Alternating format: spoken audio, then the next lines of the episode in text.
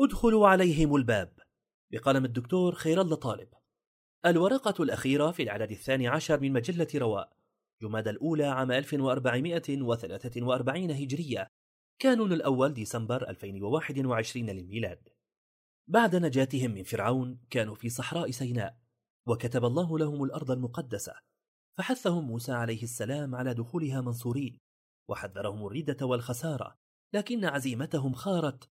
لما علموا أن أهلها جبارين أقوياء فأبرموا أمرهم أن لن يدخلوها أبدا حتى يخرج أهلها منها. فحكم الله عليهم بالتيه أربعين سنة وحرمها عليهم حتى كان الجيل التالي.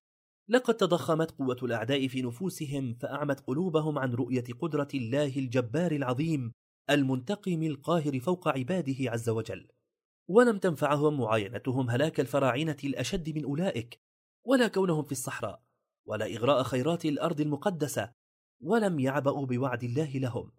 كل ذلك لم يتغلب على خوفهم الذي أكل قلوبهم بقدر ما سكن فيها. يتولد الخوف من الجهل بالحقائق ويتشكل على صور قد تفوق قسوتها العدو الجاثم بدليل حصول الثورة عليه. ثم خضوع الثائرين لتصورات وارتباطات وتوقعات وأمنيات وأوهام ووعود وارتهانات وشهوات ونزوات تكبل أصحابها عن بناء النموذج المنشود وترهنهم من جديد لمثل النموذج الذي ثاروا عليه. ثم يلتحف الخائفون بذرائع شتى خجلا من التصريح بمخاوفهم بغير وعي في الغالب. وقد يلتحق بالمخاوف عوائق نفسية كثيرة عن المبادرة والإقدام وتكون النتيجة البحث عن الحلول السهلة. فاذهب أنت وربك فقاتلا إنا هاهنا قاعدون. وإنما تنكسر القيود الثقيلة بأصحاب الشجاعة الممتلئة قلوبهم خوفا من الله تعالى حتى يخرج الخوف منهم فيحل في قلوب أعدائهم منهم. قال رجلان من الذين يخافون أنعم الله عليهما ادخلوا عليهم الباب فإذا دخلتموه فإنكم غالبون وعلى الله فتوكلوا إن كنتم مؤمنين. لقد تنعموا بالخوف الدافع كما تعذب أولئك بالخوف المقعد وقد كان زادهم الإيمان والتوكل. حذرين من أن تعجبهم أنفسهم فلا تغني عنهم شيئا ثم يلبسهم الخوف القاتل. تتجلى مصداقية الشجاعة الإيمانية في مواجهة الموقف الذي يبدأ بمجابهة الخوف والخائفين.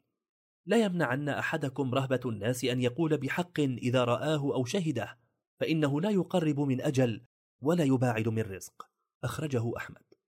الكلمة الصادقة الشجاعة سبب تدخل به باب العمل وسهم تضرب به في ساحة النزال ثم يفتح لك الله بعده ما يشاء. وما عرف الناس نهضة بلا سبب ولا كلفهم الله ما لا يستطيعون. وما عليهم إلا تحرير قدرتهم الحقيقية والتخلص من الذرائع التي يتستر وراءها الخوف بلبوس الخجل والأدب وانتظار الكبار بينما تتبخر القيم في صحراء التيه عن فريضة الوقت.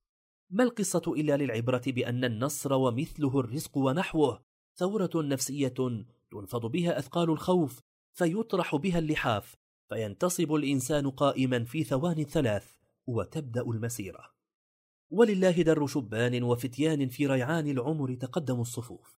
ولله در كهول نفضوا عنهم مخاوف التجديد وآثار الارتباطات المعيقة والتصورات المترهلة فعرضوا شأنهم كله على كتاب الله وأقلعوا عن أخطائهم بشجاعة واعترفوا للشباب بتقدمهم واعتذروا لهم عن تأخرهم ثم دخلوا الباب لإكمال المسيرة سويا. ولله دعاة انتصروا على قيود اصطنعوها وأطر حجزت بعضهم عن محاسن بعض وأغفلتهم عن محاسن مجتمعهم وألبستهم الخوف على أنفسهم باسم الخوف على الدين والإسلام. فعلموا أن العاملين للإسلام والباذنين له أوسع من الجماعات وأرحب من التصنيفات وأن ثمة طاقات مبدعة تعاني من قيادات مترهلة وأن الجميع بحاجة إلى دخول الباب بانطلاقة بلا انتظار وانتفاضة بلا عثار. نتيجة الخوف حتمية. فمن خاف غير الله فزع من ظله وتاه في صحراء غيه وتعلق بوعود عدوه. فما يصلح لثورة ولا نهضة ولا تنمية ومن خاف الله خافه كل شيء. فما رأى بينه وبين النصر إلا ادخلوا عليهم الباب مجلة رواء تروي ظمأ المعرفة.